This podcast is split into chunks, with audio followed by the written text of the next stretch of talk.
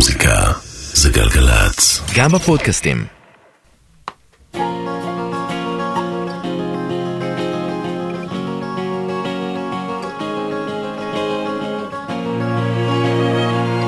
אה, לפני כמה שנים פגשת את פול סיימון, ואחת השאלות ששאלת אותו זה כמה זמן לוקח לך אה, להיאבק או להתמודד עם שיר.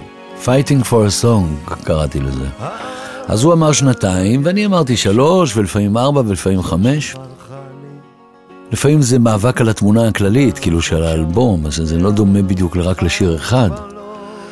אה, אני חושב שבזמנו לקחנו את הזמן, היה לנו אוויר, ועבדנו על אלבומים שנתיים, שלוש, ארבע, חמש. אז בשעה הקרובה אנחנו ננסה לצאת לאיזה טיול בעקבות תקליט שנקרא שניים, שלקח ארבע שנים. הכינורות המתוקים לא מנגנים. לא אשקר לך שאצלי הכל בסדר. אין שום פטנטים, העולם נהיה כבר גימיק אז בואי ונחזור לאינטימיות בחדר אם זה היה ממשיך ככה, אז הייתי נאבק על התקליט עשר שנים.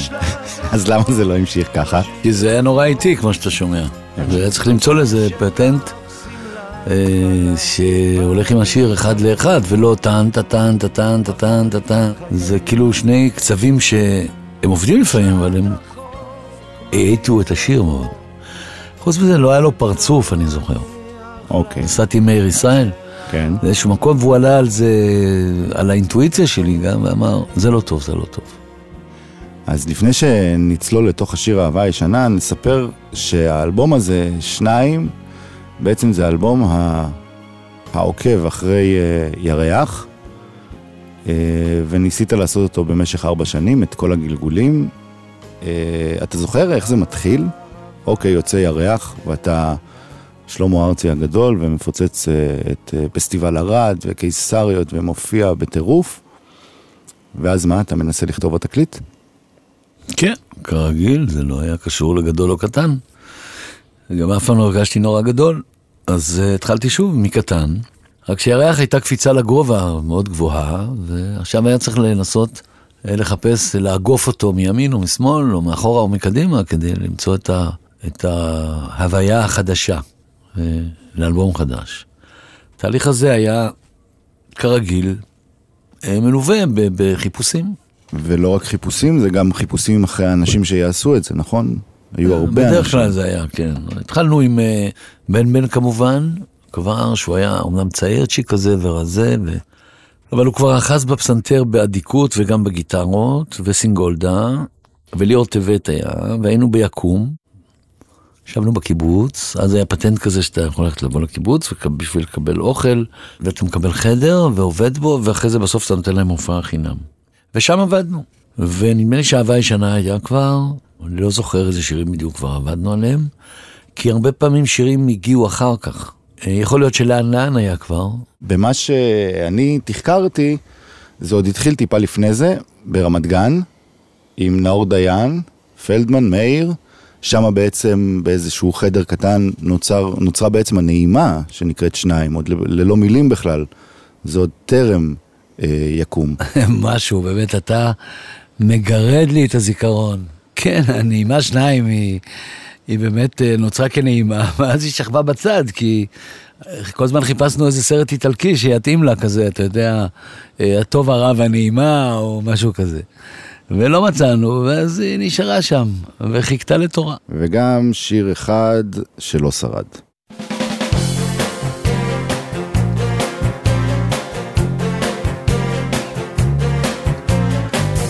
היה שרב בחוץ, פריחת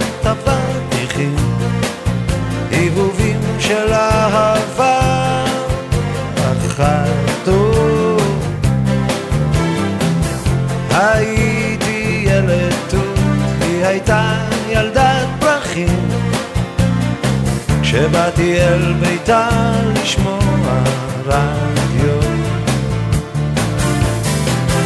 בקושי רב שמענו, המכשיר היה זון, היינו שני חולמים מול רדיו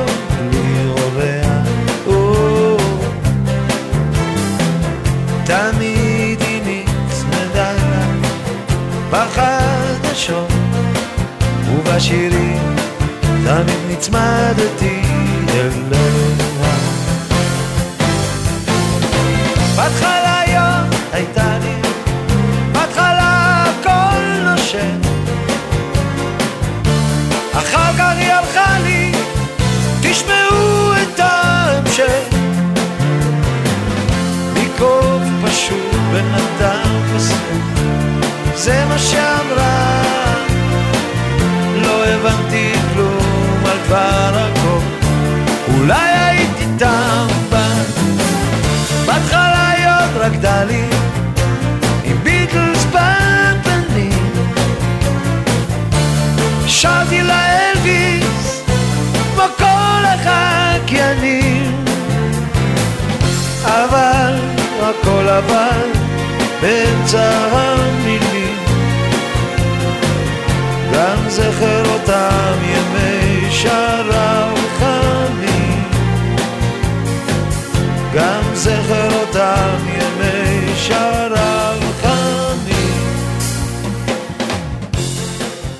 ימי שרב היה באמת שיר רומנטי וחם ו... וזוגיות צעירה מאוד. אני לא בטוח שהיום הוא היה עובד, השאלה היא בעצם, למה לא לקחתי אותו אז? אז אני אסביר לך, ירון. העבודה באולפן, ירון, משולה לפעמים לטיסה. כן. אולי טיסת מכשירים. ולפעמים אה, באמצע אתה לא רואה כל מיני דברים. והבן אדם טס איזה ארבע שנים, ולפעמים הוא לא שם לב שהוא עבר את פריז או את לונדון. והנמשל הוא שלפעמים אני לא שם לב לשיר כזה או אחר, והם לא נקלטים בתוך התקליט. אני חוזר לסיפור שלנו, אה, ואני רוצה להתמקד רגע באהבה הישנה. איך ניגשים לכתוב שיר כזה? האם זה זרם תודעה? האם זה משהו שמבעבע אצלך ואתה מנסה להוציא אותו? האם זה יוצא בביש? איך ניגשים אליו? אני הייתי כל הזמן בזרימה לחפש את השירים. ויום אחד הייתי בעין הוד, כמה שעות, ואחרי זה עמדתי לצאת כבר. ואז פתאום חשתי משהו מבעבע בתוכי, לא יודע מה זה היה, זה, זה תופס אותך פתאום. ורצתי לטייפ, והוצאתי את הגיטרה מהקייס, ובביש אה, נכתב אהבה ישנה. זהו, אחר כך נעלתי את הדלת ונסעתי הביתה לתל אביב. אחרי שבועיים אני חוזר לשם כי אני מרגיש שהשארתי איזה אוצר על הטייפ. וכשאני פותח, אני מוצא את אה, בשלט רחוק, מביט רחוק. לשנייה זה מוזר לי, mm-hmm. אבל אחר כך אני עומד מאחורי זה, ולימים הולך ומקליט אותו בשניים.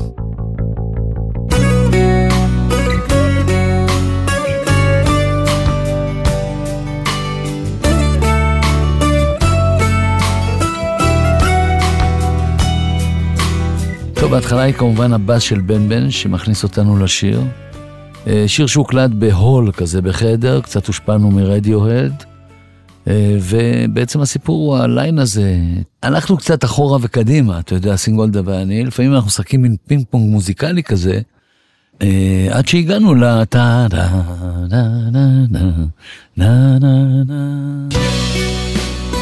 המלודיה הנפלאה הזאת. של סינגולדה עם הבוזוקי, וזהו, בשנייה שזה הופיע, השיר היה כבר בכיס שלו. כלומר, הוא היה שם. אז הנה דוגמה לטייפ, גיטרה וזמר בעין הוד. בוא תזהה את השיר, נראה.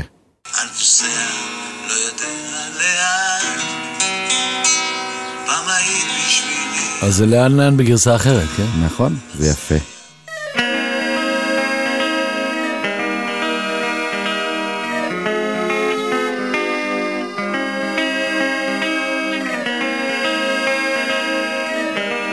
אז הלכת לזה, וזה ביצוע אחד לפני הביצוע של התקליט. ושואל מה את עושה, הם אומרים שהם לא יודעים, הוא מחפש תירוץ לדבר עלייך. אחד מציע שאסע בעקבות הידועים, ולוקח את המכונית ונוסע אחרייך.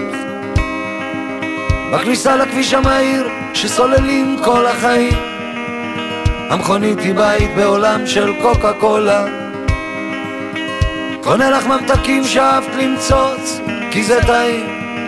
בשביל כוס קפה איתך הייתי שם גם אלף דולר. אני נוסע, לא יודע לאן, לאן, לאן. פעם היית בשבילי הכל, וזה לא היה מזמן. נוסע, לא יודע.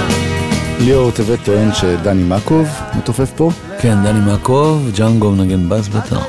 אז אה, כדי ל, ל, להסביר טיפה יותר טוב למאזינים, בעצם השלב הבא עשית עם בן בן, סינגולדה וליאור טבת. והבאתי את אורי. כטכנאי, והוא בעצם הביא את אה, דני מקוב ואת כל האנשים האלה. אז ההסבר הוא, שנת כבר 92-3, ליאור טבת בכלל אתה מביא אותו מרוקסן, מאביב גפן, איפה הילד, זה זקני צפת, איפה הילד היא חשובה בסיפור הזה? בבקשה. כי כשכבר עבדנו באול- באולפני המון, אה, נלקחה החלטה בעד ארצי שאיפה הילד יצאו לפניי בפסח, ולא אני. והלכתי לעבוד בדיבי, עוד פעם על האלבום, ומאז יצא מתוק. כלומר, האלבום נדחה ונדחה, אבל בסוף הוא נהיה יותר טוב בעיניי. עוד דבר שקרה יותר מאוחר בשניים, כשהדיסקים נפלו, כן? ונמחקו חלקים ממנה, אז אני טענתי שזה אומן, שזה, שזה מה... סימן. סימן. רק להסביר, ההארד דיסק שעליו היה כל התקליט, נפל פיזית. כן, וזה היה שוק בשבילנו, פתאום הסתבר ש-15% מהחומר שהקלטנו נעלם לנו. ואז פלדמן נסע לנאסא. נסע לנאסא, סוכנות החלל הבינלאומית, ושם הוא התיישב שבוע ימים בתוך איזה מעבדה אה, אה, נקייה מאוד, כדי לנסות לאתר את החומרים שעבדו לנו. ולאט לאט הבנתי שזה מין אומן כזה, זה סימן כזה, שבעצם אנחנו צריכים ללכת ולהקליט אה, את החלקים שאינם מחדש, וזה מה שעשינו. אוקיי, אז לפני שאנחנו נפרדים מה, מהסיבוב הזה של התקליט, יש שני שירים שאני מתלבט מה לשים, כי אני יודע שגם לפעמים הסבלנות שלך היא קצרה בנוסטלגיה הזאת.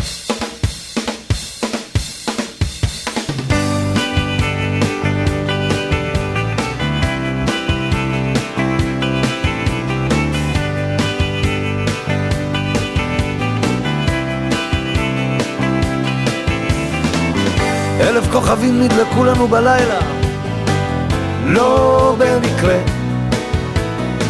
היינו בטוחים שאנחנו, זה כל הרעיון.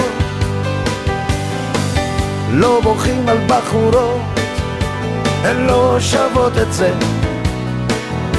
רק פעם אחת שכחנו, ובכינו בגללן איזה יום.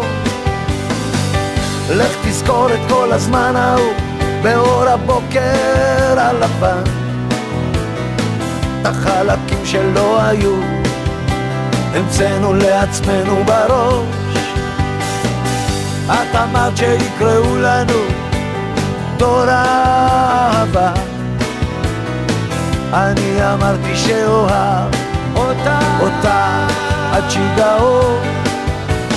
כל הנערים בכל הערים, בכל המקומות. בערו באותה אש ולפעמים בצבע מזויף ועמוק. הנשמות פרחו מרוב רגש מטורף. כשירח אחד עלה, ירח אחד ירד. רק לעשות סדר לאנשים ששומעים, כל השירים בינתיים הם לא היו בתקליט, כן? כל מה ששמענו כל עכשיו, השירים האלה שהם ארכיונים, הם נמצאים אצלך משום מה, לא יודע איך אתה מגיע אליהם. הם היו שירי קיץ כאלה, בתחושה מאוד מאוד אורגנית של, אה, של הופ ותקווה, נכון. ושמש זורחת ואהבה.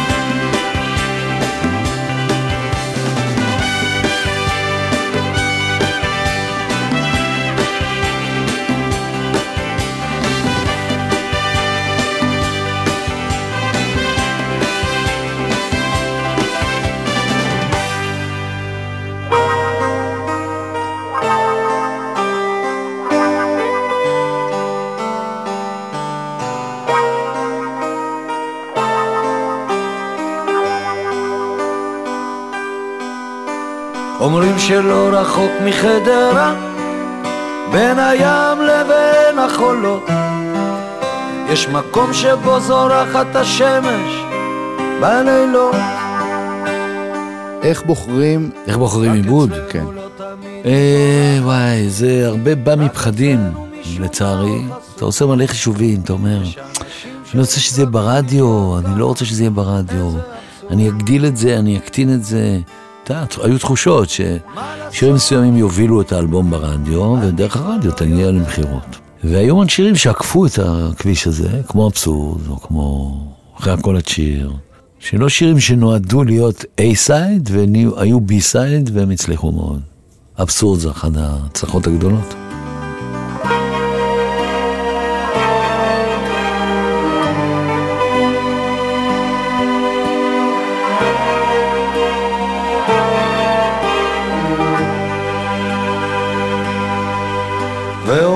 מה לא אומרים על חיינו, שהם צרים וחסרי כל ביסוס, שאנחנו רק רבים אל מותנו, איזה אבסורד. אני זוכר שבן בן עשה את העיבוד, בשני המקרים. הוא מאוד התנגד לעיבוד הקטן עם הגיטרה, ואני גם לא הייתי בטוח שאני צודק. לא מצאו תרופה לנשמה הפצועה של בני האדם. מה לעשות? אני כבר לא יודע. אולי יש איזה סוף. וגם התחושה שזה צריך להיות נורא צנוע.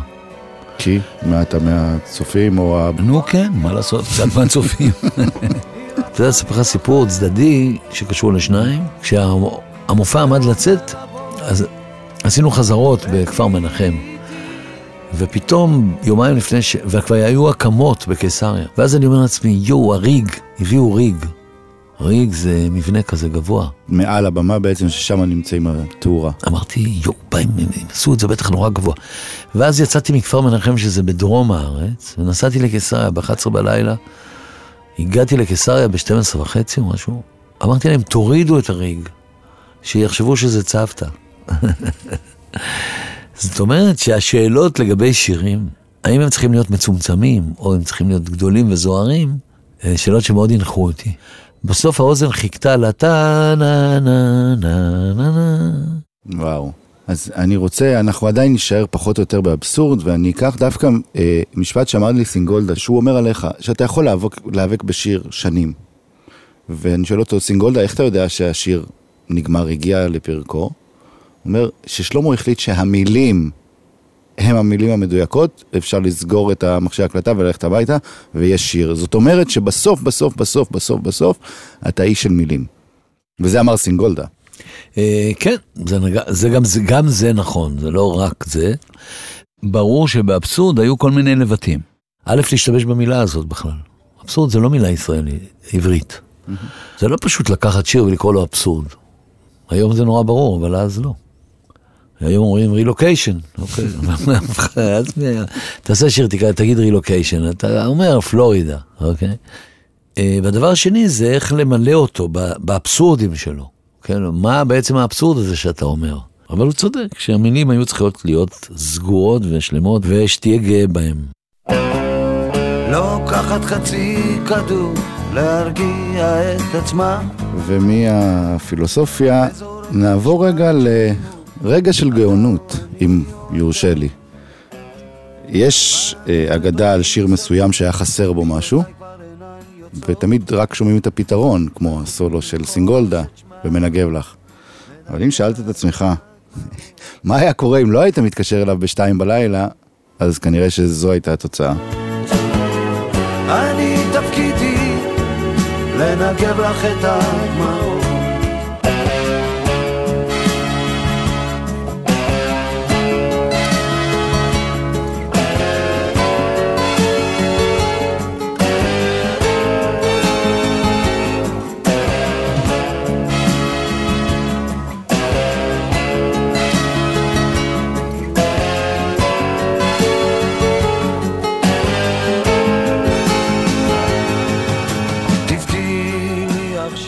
אוקיי, מאוד יפה. מאוד יפה. כן. אבל כאילו מתבקש לשמוע את את הנגיד. גולדה כמובן בסולו המיתולוגי שלו.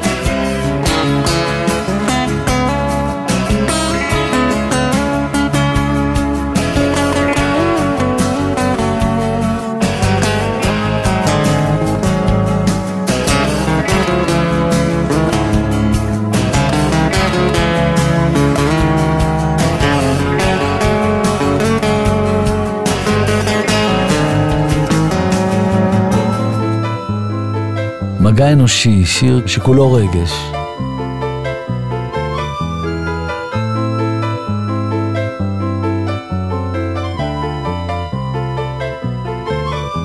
בנובמבר כתבה... בנובמבר היא כתבה מכתב די קורע. בדצמבר, בגשם נסע אל הוריה. כי גם היא נהרסה כמו כל האנשים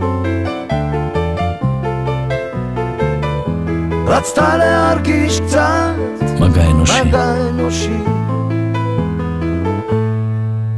אם נלך, אה, כמה שנים קודם אמרת שבחום יולי אוגוסט בעצם זה היה האינדיפנדנט דיי שלך, כמו השיר של ברוס, ששם גם לואי אמר לך, תשים את ההורים אה, מאחורה. כן. בתקליט הזה, חוץ מזה שבן בן כבר יותר גדול והוא עובד איתך, הילדים שלך הם יותר גדולים. נו. זה מפריע לכתוב אה, שירים, שירי אהבה, שירי אכזבה. היא אמרה, הוא אמר שיש לך ילדים יותר גדולים? כן, האמת שכן. בכלל, אני חושב שאומן אה, שהוא חי בין האומנות שלו לבין האנשים שהוא חי איתם, יש בזה המון קונפליקטים. ואם פעם היה חשש לשיר כאילו שההורים שלך נמצאים מאחוריך, עכשיו כבר היו הילדים שלך לפניך. אז אה, כמובן שיש להם ביקורת. אגב, אה, אם תרצה ללכת יותר רחוק, לנכדים שלי כבר יש ביקורת על, אה, על שירים שלי. זה עובר מדור לדור. אז כן, זה יכול לקבל ביקורת שקשורה לטקסט, ואתה יכול לקבל ביקורת שקשורה להרמוניה, נניח בן בן אלוף בהרמוניה ויונתן הוא אלוף בהרמוניה, ואגיד לך משהו, סוד, אני מקשיב להם. השיר הכי מהיר שלך, לפי דעתי בהיסטוריה, מגיע עכשיו. ספר לי על זה.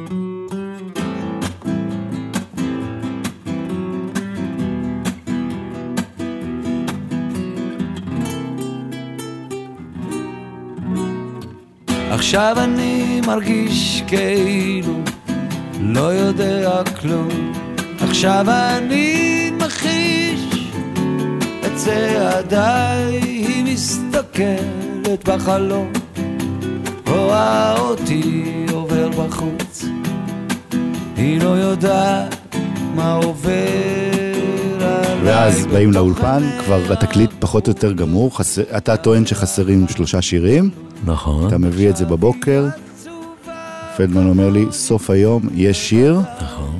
ויותר מזה, אתם נוסעים לעין-הוד, שומעים את זה בטייפ, ואתה אומר, מה חסר? קונגס, ואנחנו מוסיפים קונגס, וזה עושה את השיר לטינו. היא לא יודעת מה עובר עליי, בהחלט היה שיר מפתח, בעצם הוא הרים את, ה, את האלבום הזה. אני מנסה לחשוב למה אתה אומר שזה היה השיר הכי מהיר. הכי מהיר כי יום קודם אמרתי להם שאני אביא יום למחרת שיר כזה, שיש בו את השלאגריות. וזה הצליח לי. לא יודע איך זה הצליח לי, עמדתי במטבח וכתבתי את אה, עכשיו אני מרגיש כאילו לא יודע כלום. עכשיו אני מחיש את צעדיי, היא מסתכלת בחלון, טאק, לקחתי את הגיטרה וישר אה, הלחנתי את זה, ולמחרת הבאתי את זה להם. באמת הקונגס זה סוף הסיפור, אבל לפני זה זה כל, ה... כל הלטינו הזה. עכשיו, כשאני מאזין לזה, אז אני חושב שהיינו יכולים להרים את השיר הזה בשמונה סטפס, זאת אומרת, במהירות יותר גדולה, הוא פשוט אה, מנוגן אה, איטי קצת. ומשפט אחרון, אני לא יודע אם לא דיברתי יותר מדי, תמיד כשהיה נדמה שסיימתי את התקליט, בעצם לא סיימתי אותו, והייתי צריך לעשות עליו אה, מין סיבוב נוסף. והיא לא יודעת, היה חלק מהסיבוב הנוסף הזה. תגידו לה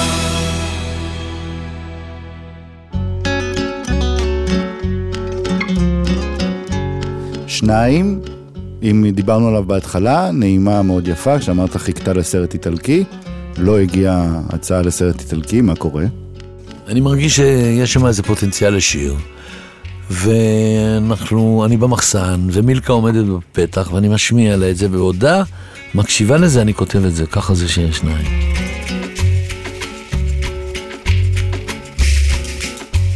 איזה יופי.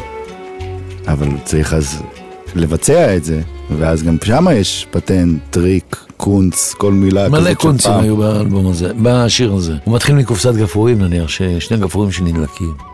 ואז לואי מציע שנביא את ריטה, ושהיא תיתן את, ה... את הקונטרה לשיר, את הדואט. אני מבקשת, זה דומה לפעמים מתכנסת, ושונאת לפעמים מסתפקת, ונשק את הדמעה.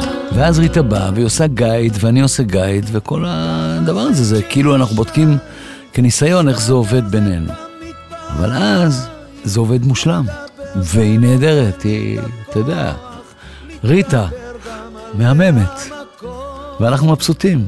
אבל אחרי שבועיים היא שואלת אותנו, אה, אוקיי, אז אפשר לבוא, מתי באים להקליט את ההקלטה אמיתית? ואנחנו, היא באה להקליט אמנם, אבל אנחנו בוחרים בסוף את, ה, את מה שנקרא הגייד, כי הוא היה אה, חד פעמי עם הצחוק הנפלא והמצלצל שלה בתוך השיר, ומשאירים אותו, שניים. אה, הזכרת את ראובן שפירא, זיכרונו לברכה. הוא היה טכנאי בסוף של התקליט. טוב, הוא לא היה טכנאי סתמי, ראובן היה טכנאי משפיע, הוא היה דמות מאוד אה, דומיננטית. גם גדול בכל בס, גם אה, בחור יפה, מאוד מרשים, מאוד מעשן, ודעתן. אבל הוא לא היה אחד שכופה עליך את דעתו על השיר. יותר הוא היה כופה עליך את דעתו על הסאונד. אחד הרגעים הכי מרגשים שראיתי בסאונד זה שאני נכנס לאולפן ורואה אותו עובד על אלבום של ריטה. זה בתקופה שאין מחשבים, והוא מנקה כל קרחץ קטן שנמצא בתוך השיר, שירים שלה. אה, ככה הוא עבד גם אצלנו, ובשנה וחצי העבודה הזאת, הוא, אני ופלדמן, חרשנו וזרענו את התקליט הזה, ובסופו של דבר, אה, ראובן הלך השנה לעולמו, אבל התקליט הזה חייב לו המון מהסאונד שלו ומהאפקטים שלו. והיופי שלו, אני חושב שגם ראובן וגם אה, פלדמן, גילי, הם היו ציירי מוזיקה, ככה הייתי קורא להם, וחלקם ב... בעוצמה של שניים היא מאוד גדולה וחשובה. כל החברים שהיו לי עוברים לי בראש עכשיו.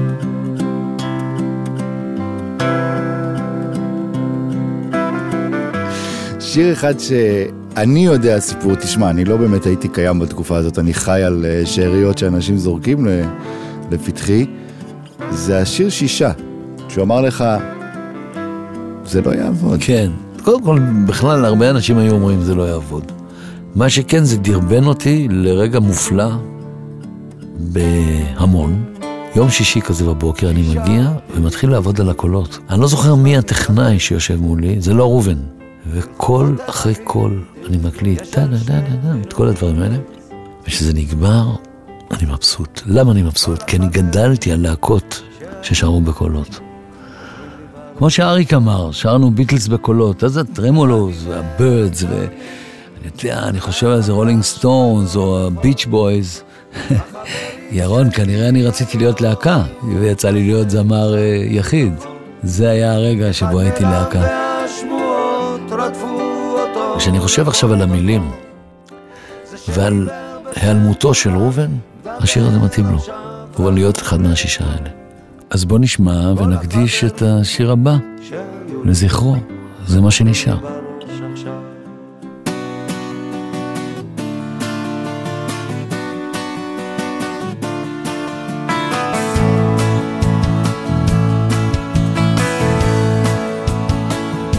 העולם החולה בעוד עשר שנים נקבע בוודאי אמרה כותרת איתו לא לקחתי אוקיי, ירון, אתה באמת אה, אלוף בדברים האלה. כן. בסדר, בוא נראה מה יש לנו פה. זה היה שיר מפתח. חשבתי שהמנגינה יפה, בסוף החלפתי את המילים, קראתי לו זה מה שנשאר, וזה מה שנשאר. ופה דווקא היה לי מאבק קשה עם ראובן. על הסאונד של התופים, אני הרגשתי שהתופים צריכים להיות כמו סנדלים כאלה, אתה יודע, כאילו ילד רץ בסנדלים בקיץ באיזה מדרכה לוהטת. וכל מה שקיבלתי כל הזמן זה תופים נורא רציניים כאלה, אתה יודע. עד שהגעתי למקום שחיפשתי אותו. אה, בסוף השיר כבר היה גמור, הגענו ללואי לעריכה, ועוד הוספנו, אני חושב, כינורות. ושרת את הבית הראשון על, על המיקס. ה, על המיקס, כן, כי הוא היה חלש, ואמרנו שאנחנו לא ניכנס עכשיו למיקס עוד פעם. ועם כל הקומבינציה הזאת אה, אה, הוצאנו אותו, והוא נהיה למה שהוא נהיה. את עוזבת אותי, ואיש עם מקל אומר, תסתכל, זה מה שנשאר, זה מה שנשאר, רק כמה רגעים. הרבה בדמיון, מעט בחיים. זה מה שנשאר, אני מדליק את האור.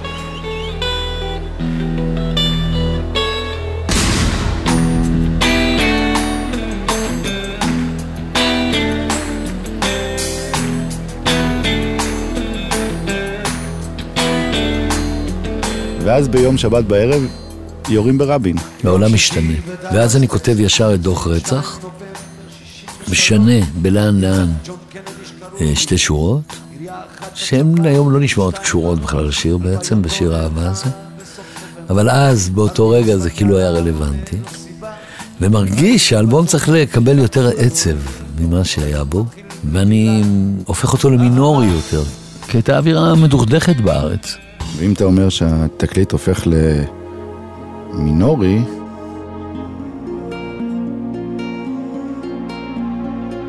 לאט לאט נתגנב מהעיר, נתבונן בזריחת השמש,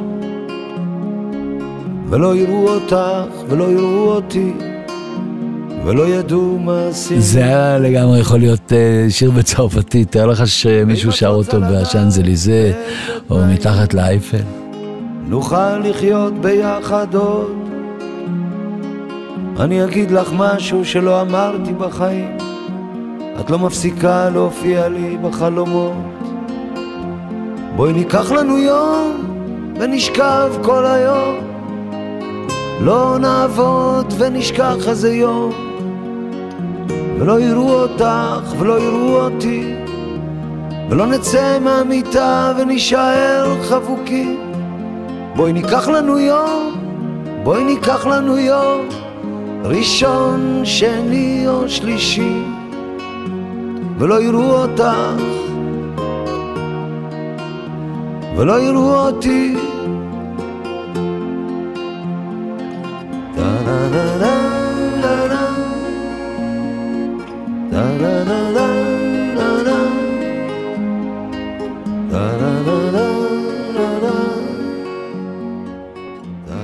ואז יוצא התקליט בסוף. בסוף זה יוצא. והיה, שנת 96 הייתה שנה, שנה מאוד גדולה של המוזיקה הישראלית, יצא שניים, יצא הילד שבך של פוליקר, יצא לפי דעתי תפוחים ותמרים, משהו, הכל בעצם באותה שנה. בדיעבד זה בערך השנה האחרונה של עולם המוזיקה כמו שאנחנו מכירים אותו. יש ערב בשידור חי בטלוויזיה, טקס, היה פרס תמלן השנה, מלחין השנה, מפיק השנה, ושישה פרסים אתה זכית. ואתה עולה פעם אחרי פעם על הבמה, כמובן עם טי שירט וג'ינס, לא חליפה, ממלמל תודה ויורד. זה סיום האלבום הזה, כן. משהו שלקחת ממנו? תשמע, כאילו הוא, הוא כזה, אין לו את ה glory של דרכים או חום יולי אוגוסט, אבל בואנה, תקשיב, חצי מהפלייס של ההופעה שלך היום זה מהתקליט הזה. אז בוא תשלח את ה... מאזינים, נשארו שלושה או ארבעה שירים. ריקוד סוף המאה, אור בקצה המנהרה, שיר על כל השאיפות, אוטובוס מספר אחת, תראה על כמה דברים לא עברנו. סיפור רומנטי, הייתי והיינו. אה, קודם כל, הייתי והיינו, מתאים לסיום. והלוואי ועוד נהיה. ואם אתה שואל אותי, מכל השירים שעכשיו הזכרת, האחרונים, איזה שיר הכי הקהל שלי מבקש בהופעות, אז אה, ריקוד סוף המאה. שיר, אה, אולי איתו נסיים את הפודקאסט הזה.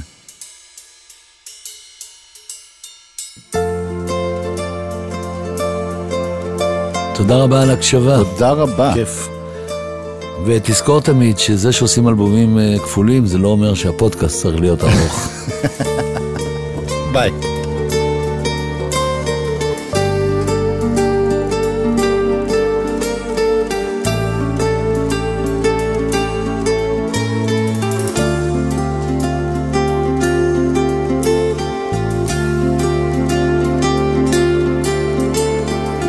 שנינו רוקדים הפוך, מסתכלים אל הירח.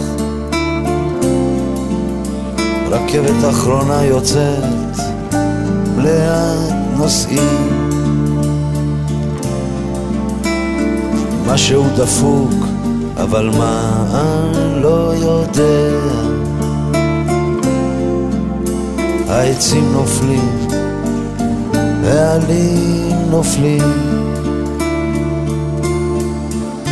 שני אנשים לבד בחושך, תצמדי אליי הכי קרוב לגוף, אהבה תמיד הולכת נגד המציאות.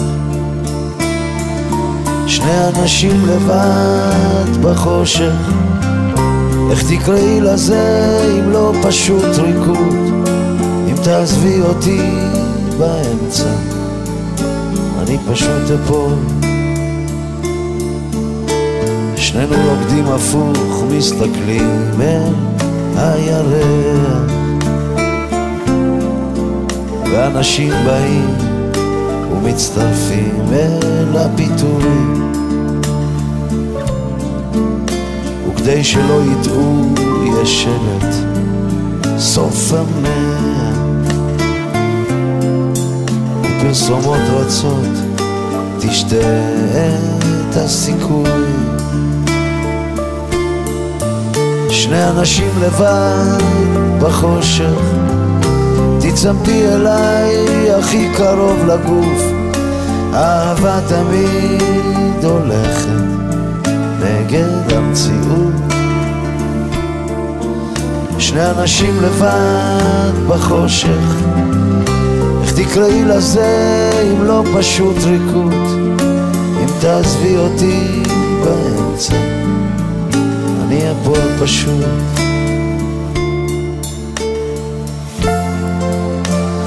אז את נותנת לי יד ואני, אני מנסה לרקוד איתך. כבר רקדתי איזה מאה אלף ריקודים, וגם האנשים מסביב רוקדים. ומישהו אומר, אולי נדליק איזה ניאונים, ואת מבקשת רק בחושך, רק בחושך, רק בחושך, רק בחושך. אז שנינו רוקדים הפוך, מסתכלים אל הירח. הוא לא יודע כלום, אולי הוא מנייר. צד אחד אפל, צד אחד זורח. איך תקראי לזה אם לא ריקוד סוף המאה?